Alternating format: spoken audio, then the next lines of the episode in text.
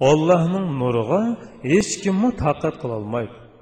Musa bu haqiqatni tushundi va buni o'z ko'zi bilan ko'rdi. Musa hushidan ketgan edi, u o'ziga kelganda Parvardigorim, sen poktursan, sana tavba qildim.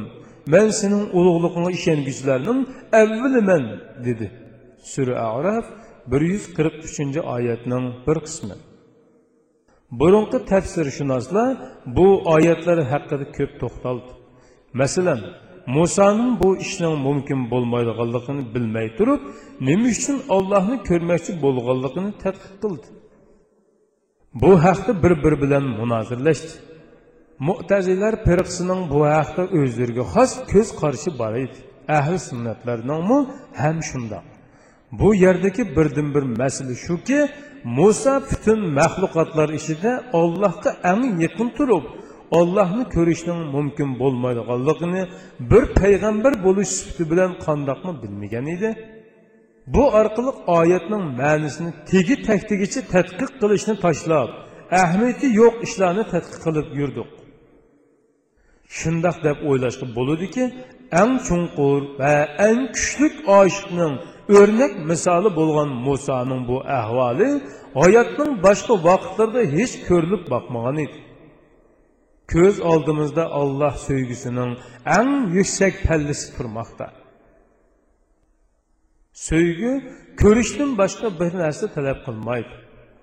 Ammo ulug' va aziz Allohni ko'rish mumkin emas edi. Bu aqli joyida va o'zini tutib olgan kishilar uchun to'g'ri hukmdir. Ammo sevgi hech qachon mantiq bilan o'lchanmaydi va yoki chak chegara tonimaydi. Musa bir qitim sinab boqdi. U hammamizga vakolatan sinagan edi. Orzu haqida oramizdagi eng jasur va eng avval hushidan ketgan Musa pok vujudi va ruhi bilan hech bir kishining Allohning nuriga taqat qilolmaydiganligini isbotladi. Shundala u tushunib yetib, qusursiz Allohga tavba istig'for aytdi. Parvardigorim, sen pokdirsan, sana tavba qildim. Men sening ulug'lig'ingga ishonguchilarning avvaliman, dedi. Musa nimishqa tavba qildi? Tasavvurchilar uning mumkin bo'lmaydiganligini bilib turib, imkonsiz ishni orzulagan buyuk sevgi tavakkulchiligi uchun tövbə qılğanlığını eytişidir. Bu qoyil qılarlıq təfsirini Quran ayətlərimi toğurlayır.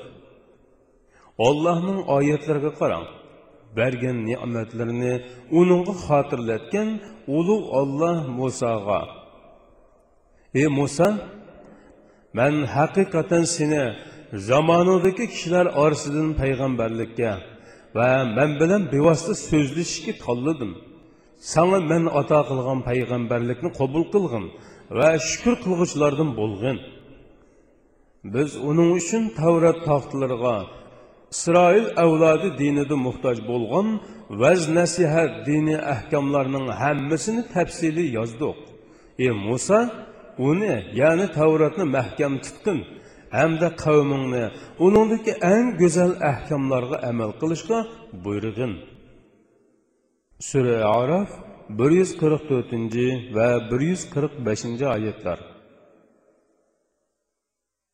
Ko'p sondagi tafsirshunoslar ollohning musoga so'zlagan shu so'zlari ustida to'xtaludi ey muso men haqiqatan seni zamonidagi kishilar orasidan payg'ambarlikka va men bilan bevosita so'zlashishga tanladim.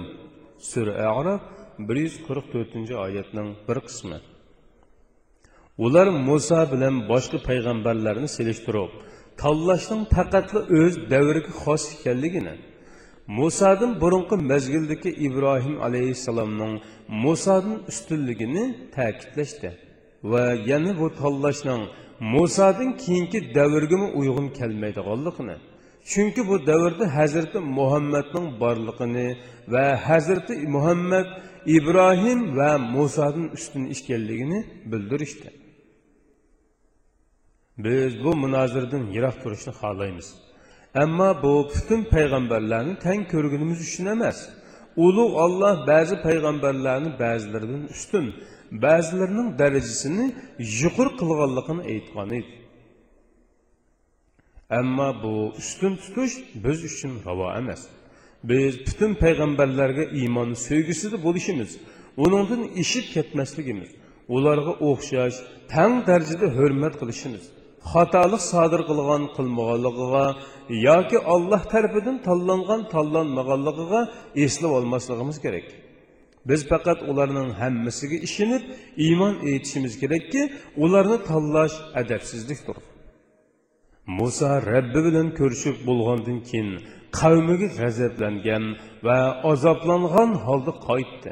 Rabbidan yomon xabarni olg'achqa qavmiga g'azablangan va azoblangan edi ulug' olloh taolo surasida mundoq degan edi. Ey muso oldirab tur sinoga qavmingdan ilgari kelishingning sababi nima? dedik. Muso aytdi ular izimni qo'g'lishib kelyotidi parvardigorim. Seni rozi bo'lsin deb bu yerga oldirab keldim olloh aytdi sendin ya'ni sen ketgandan keyin qavmingni haqiqatan sinadoq ularni somiri ozdirdi muso qavmiga g'azablangan holda xafa qaytdi. Sura toha sakson uchinchi oyatdan sakson oltinchi oyatgacha. Muso tavrat lavhalarini ilib tog' cho'qqisidan nafrat va azob bilan pastga ya'ni qavmiga qarab minayotganda uning qattiq g'azablanganligini bilib tas emas edi. Muso rabbi bilan uchrashish uchun qavmidan ayrilib turishiga somir fitna terdi bu fitnaning tafsili mundoq edi. İsroil avlodining misrdan chiqqan chog'da bayram yig'ilishlarida ishlatish uchun misrliklardan olgan nurg'un oltin zibu zinnatlari dengizning yerilish mo'jizasidan keyin ularning qo'lida qolgan edi.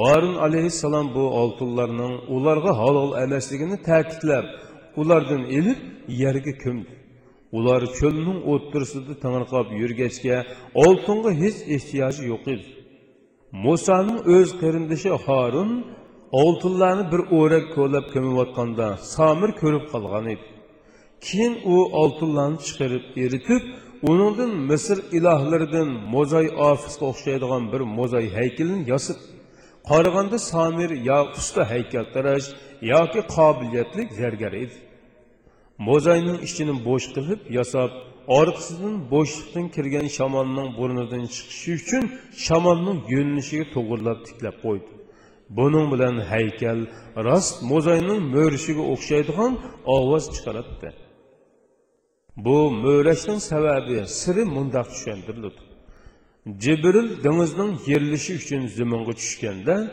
somiri uning izi tushgan tuproqdan bir uchum ilib olgan edi Demək ki, Samiri başqalar körməyənini körgən. Mozay həykelini yasığanda o tıfıraqımı altınğa arlaşdırıb etdi. Cibril manğan yer canlınıb ketətdi. Və bu arlaşıdın yasalğan mozay həykeli xuddi rastəkli möhrüdü. Bu Musağı Samirinin aytqan hikoyasidir. Biz uni yolg'onchi deb qaraymiz. Onun kofirligi, yolg'on etishini keltirib chiqargan. Hozir bildikki tuproqqa qo'shilgan oltin erganda tuproq oltindan ayrilib chiqib umu ayrilib bo'shliq paydo bo'lishini kutdi. Kuchlik ehtimolga qaraganda samiri haykaldan ovoz chiqarish uchun haykalning ichini quruq chiqarib xuddi boshqa tuproqdek bu tuproqni ishlatgan edi. Shuning bilan samiri yasagan narsasi bilan bani isroilni oldiga chiqdi. Ular bu nima samiri deb so'rashdi. Sizlarning mening va musoning ilohi dedi u. Ammo muso ilohimiz bilan ko'rishgili ketgan tug'i dedi ular. Muso unutib qilib rabbini izlab u yoqqa ketib qoldi dedi samiri shu asnoda bir shamol kelib mo'zayning orqasidan kirib og'zidan chiqdi. Buning bilan mo'zaydin mo'rigandek ovoz chiqdi. Isroil avlodi. Bu mo'zayga cho'qindi balki buni o'qigan kishi bu fitnaga hayron qilishi mumkin. Qavmini aqli bilan qandoqlarcha bundoq o'ynag'ili bo'ladi birdilla qandoqlarcha butlarga qaytadan cho'qinib qolgandi. Ularni beshig'a qo'rqinchli bir ish kelgan edi. U mo'zayga cho'qingan xalqning psixikasini tadqiq qilsak kuzatsakla hayronlik his qilmaymiz. Chunki ular misrda butlarga cho'qinib mo'zay ofisini muqaddas ko'radigan bir muhitda xo'rlangan qul qilingan holda yashab kelgachga ruhi sunub tabiati buzilgan edi. Allohning mo'jizalari ularga yetib kelgan bo'lsimi umidsizlik ularni o'zgarmas qilib qo'ygan edi. Hessi möcüzələr onların kəlimələrinin doğruluğuna işləndirilməginidək, Allah'ın sözlərini onlarını haqqı qaytarılmadı. Onlar butlarına ibadət qıldı. Xuddi Misirli xocayinlərə oxşaş butpərəst bolğaçqa mozayiqi çoxunuşdan tək tartıb qalmadı. Onların bu qılmışı biz üçün yanılıq emas idi. Çünki ular dənizin yeriliş möcüzəsindən keyin butqı çoxunayotqan bir millətni görüb Musadın özlərə, o qavmigə oxşaş şoğunuduğan ilah tələb qılışqan idi. O halda məsələ konu məsələ idi. Butlarga çoqunuş arzusu bilən butqı çoqunuşun fərqi yoxdur. Samiri mana bu psixikilik acizliqi asasən bu mozay heykelini yasaş arqılıq onların mozayğa çoqunuş arzusunu əməlgə aşırmaqçı bolğan idi. U isroil avlodining oltinga erishmanligini bilgachga haykalni oltindan yasib shuning bilan samri fitnasi yeyildi. Orun alayhissalom bir kuni qavmining bir mo'zayga cho'qinayotganligini bayqidi qavm buning qomlashmagan bir ish ekanligini tushungan oz sondagi kishilar va butlarga cho'qinish orzusidagi ko'p sondagi kishilardan iborat ikkiga ayrildi. Harun qavmiga nasihat qilishga boshladi. Sizlar buning bilan sinavyapsizlar. Sizlar buning bilan sinalyapsizlar. Bu bir fitnadir. Samiri sizlarning bilimsizliginglardan foydalanib, Mo'zay bilan sizlarni oldidi. Bu na sizlarning, na Musaning ilohi emas.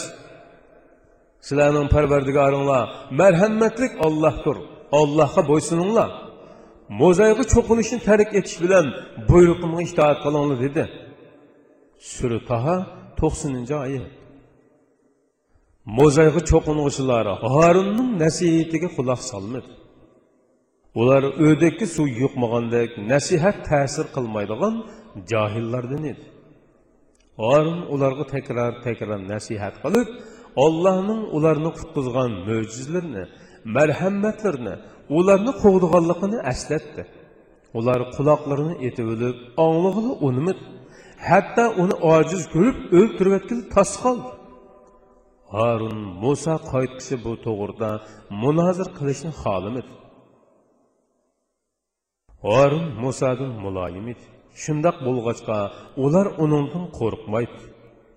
Harun qavmi ichida texmi bak qalaymaqanchilik paydo bo'lishidan ansirab kuch ishlatib ularning haykalini parchalayotmadi ichki urushdan saqlanish uchun musoning qaytib kelishini kutdi.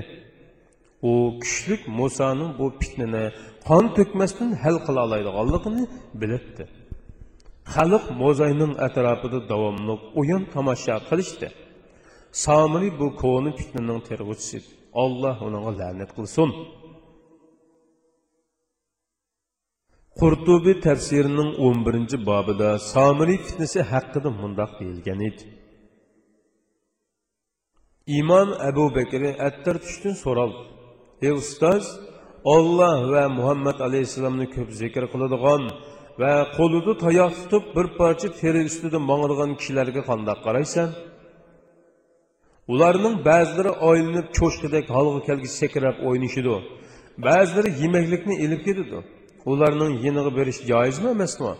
Ular bizga savob bulduğallakını aytdi ustoz mundoq javob berdi Sofiya mezhebi, yani usul oynaydigan sopi işallarının mezhebi, batıllık, cahillik ve zalalık, gümrahlıkın ifadesi bulup, İslam fakat Allah'ın kitabı ve Resulullah'ın sünnetinden ibarettir.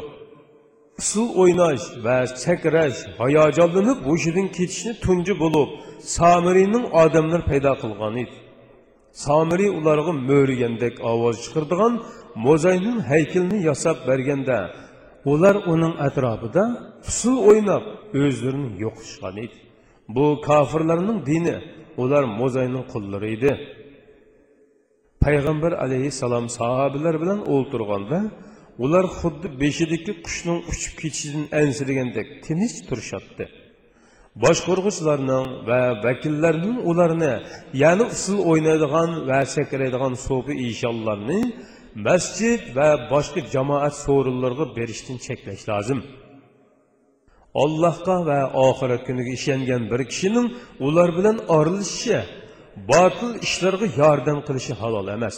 Bu imom molik Əbu Hənifə, Şafii, Əhməd ibn Həmbəl və başqa barlıq imamlarının birdək qarşıdır. Təvfiq, yəni muvaffaqiyət Allah tərəfidəndir. Mana bu Qurtubinin bu məsələyə bolğan göz qarşıdır.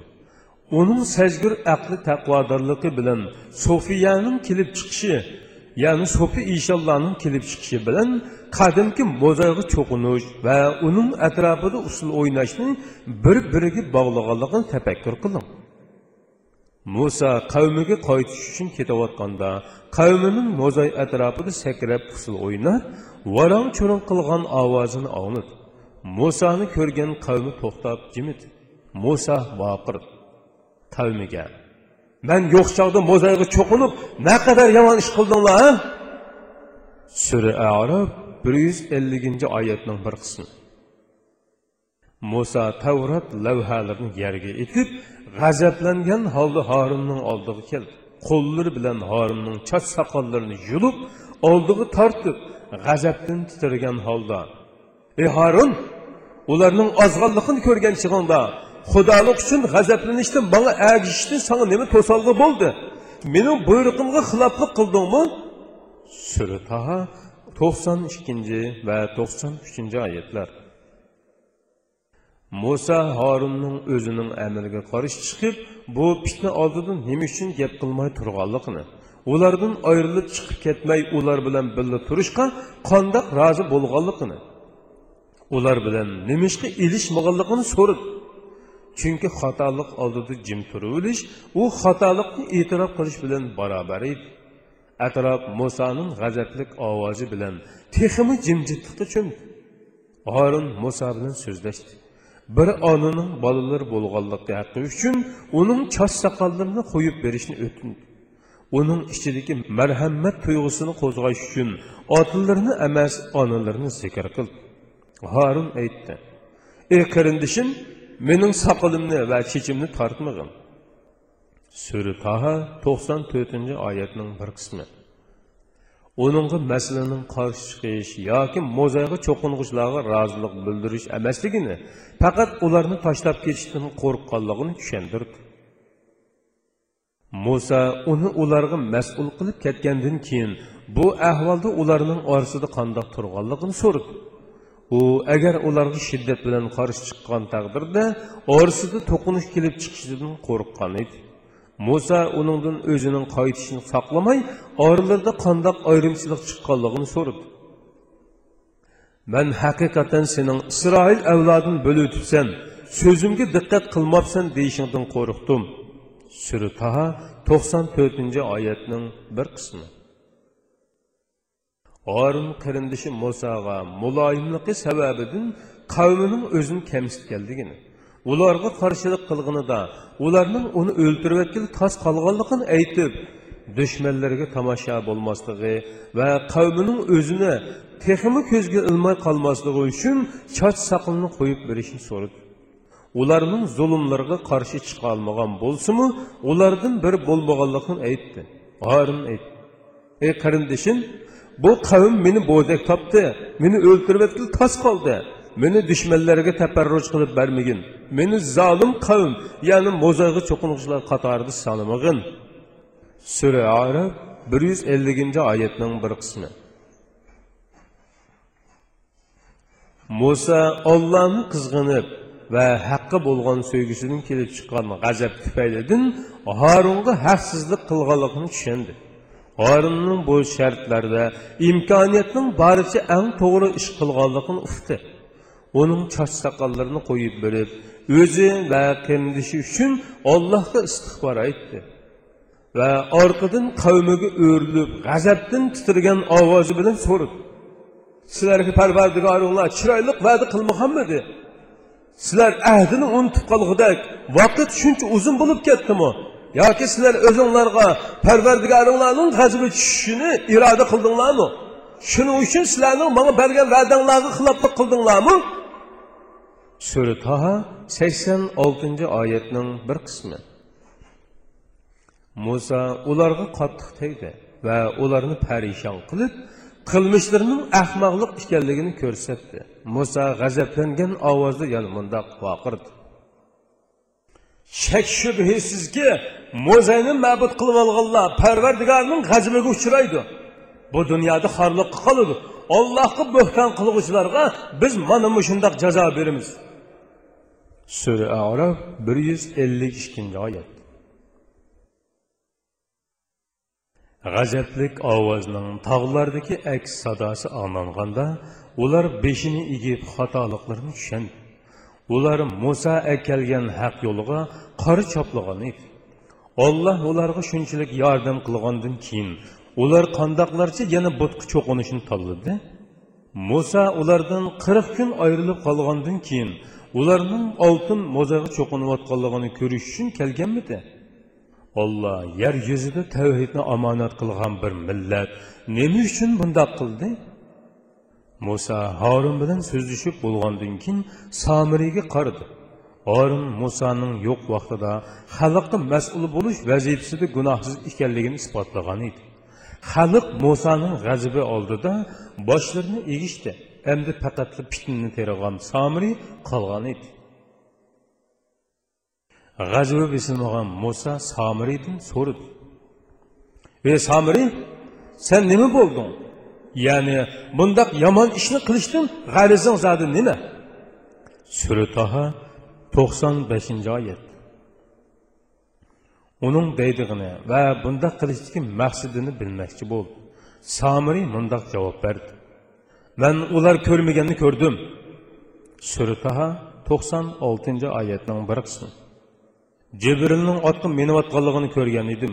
Uning bosgan izidan hayotliq jonlanatdi elçi ya'ni jibrilning izidan bir changal to'pini oldimda surtaha to'qson oltinchi oyatning bir qismi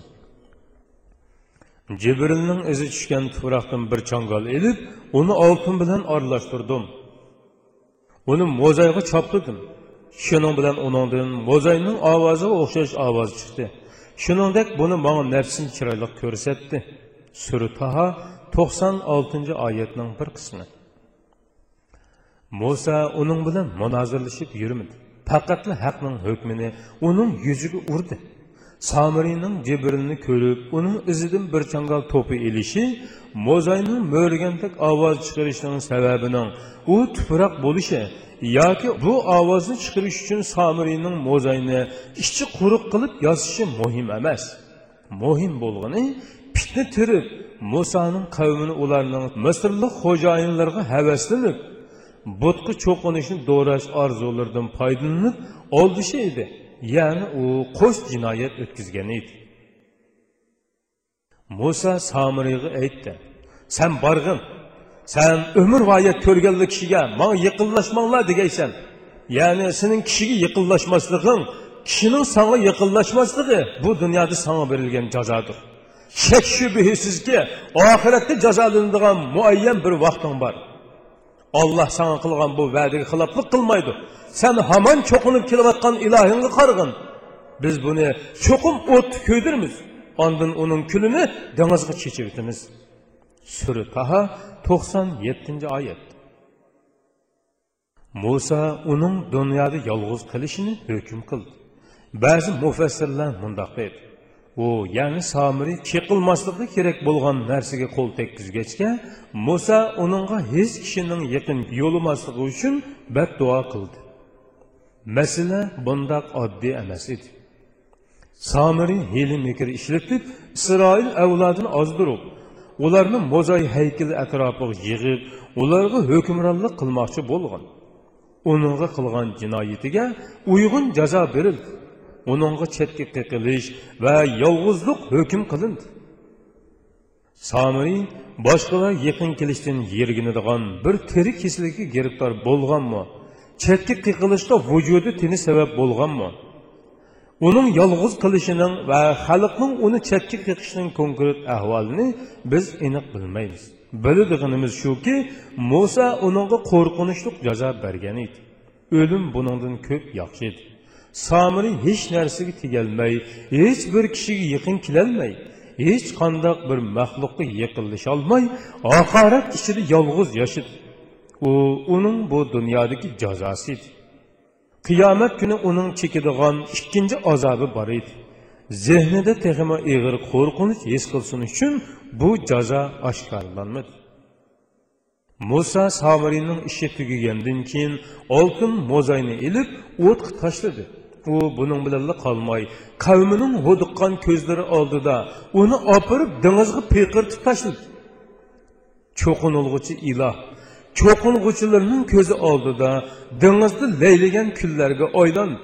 Musoning ovozi yuksaldi sizlarning ilohinglar bir ollohdir uningdan boshqa hech ma'bud barhaq yo'qdir u har narsani to'liq bilguchidir sura taha to'qson sakkizinchi oyat ilohinglar faqat bir ollohdir o'ziga na foyda na ziyon yetkazolmaydigan but emas. Muso butning va asli gunohkorning ishi tugagandan keyin qavmiga yuzlanib butun masala haqida umumiy yakun chiqardi. Ularning o'zlariga o'zlari zulm qilganligini mo'zayga cho'qing'uchilarning tavba qilishi uchun bir fursat berilganligini aytdi. Bu fursat mo'zayga cho'qing'uchilarning o'zini o'ltirish fursati edi ulug' olloh mundoq degan edi. O'z vaqtida muso o'z qavmiga ey qavmim sizlar mo'zayni ma'bud qilib haqiqatan o'zinglarga zulm qildinglar. Yaratquchinglarga tavba qilinglar. Mo'zayga cho'qinmaganlar cho'qing'ichlarni o'ltirsin dedi. Mundaq qilish yaratquchinglarning dargohida sizlar uchun yaxshidir Allah tövbənglərni qəbul qıl. Allah tövbəni həqiqətən bəkmə qəbul qılğıçıdır. Nəhayəti mehribandır. Sürə Bəqərə 54-cü ayət. Musa'nın mozayğı çoxunğucularına bərgən cəzası qorxunçluq, amma işlənən günahqa uyğun idi. Butlarına çoxunuc, aqlı huşunu yoxduş deməkdir. Insonni hayvon va jonsiz maxluqotlardan ayiradigan narsa aqldir. Aql sezgusini yo'qotishning jazosi shaxsan vujudining vujudini yo'qotish bo'lib inson uchun aqlsiz yashaydigan boshqa hayotlik yo'qdir. Jazoni gunohga asosan berilgan edi. U qattiq va rahimsiz holda kelgan edi. Keyin olloh marhamat qilib ularning tavbasini maqbul qildi. U tövbələrni qəbul qılğıcı və mərhəmmətlidir. Musa'nın qəzəbi axır pəsəydi. Tevrat levhələrini bir yoqqa tashlab, kırındışının choch soqollarini tortishdan boshlab, mo'zay heykelini dengizga çöğürüp tashlash va uningga cho'qing'ichlarning o'ltirilishini hukm qilish bilan oxirlashgan muso harakatlariga qo'mondonlik qilgan bir kuch sifatida g'azabni tasvirlagan qur'oni karim ifodasidagi tafakkurga diqqat qiling. Musoning olloh yo'lida kelgan ochchig'i endi yo'qoldi. Bu ochiq g'azablar ichidagi eng kuchli va eng hurmatga loyiq bo'lgan g'azab edi. G'azabi pasaygan muso asli vazifaga qaytdi. Tavrat lavhalarini bir bulung'i qo'yganligi esiga kelib ularni qayta qo'liga oldida tabliq qilishga boshladi. Ulug' olloh mundoq degan edi. Muso g'azibi besilgandan keyin yerda yotgan tavrat taxtlarini oldi. Uningda parvardigordan qo'rquvchilarga hidoyat qilinadi va rahmat qilinadi deb yezilgan edi. Sura araf 154 oyat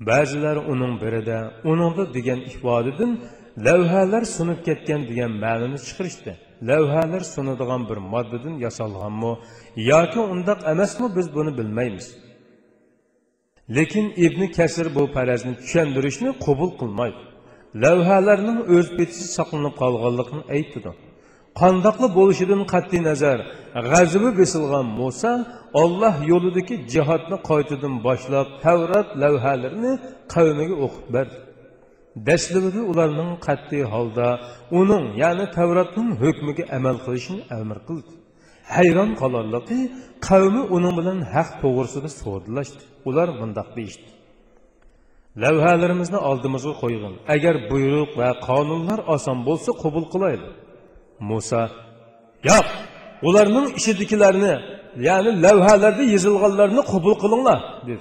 Onlar cahillik kılıverdi, Uluq Allah pərişlərə buyruq qılıb, tağını onlarının beşiği tikləb əkəldi. Tağ onlarının üstüdə xuddi bir buluddak turatdı. Onlarga lavhalarda yazılğanını qəbul qılmasanlar, bu tağ üstünlərə düşüdü, deyil. Şunun bilan ular qəbul qılışdı. Sajda qilishi amr qilindi va ular sajda qildi. Enaklarini yerga choplab qo'rqqan holda ustidagi toqqa qarashdi. Ulug' olloh mundoq degan edi.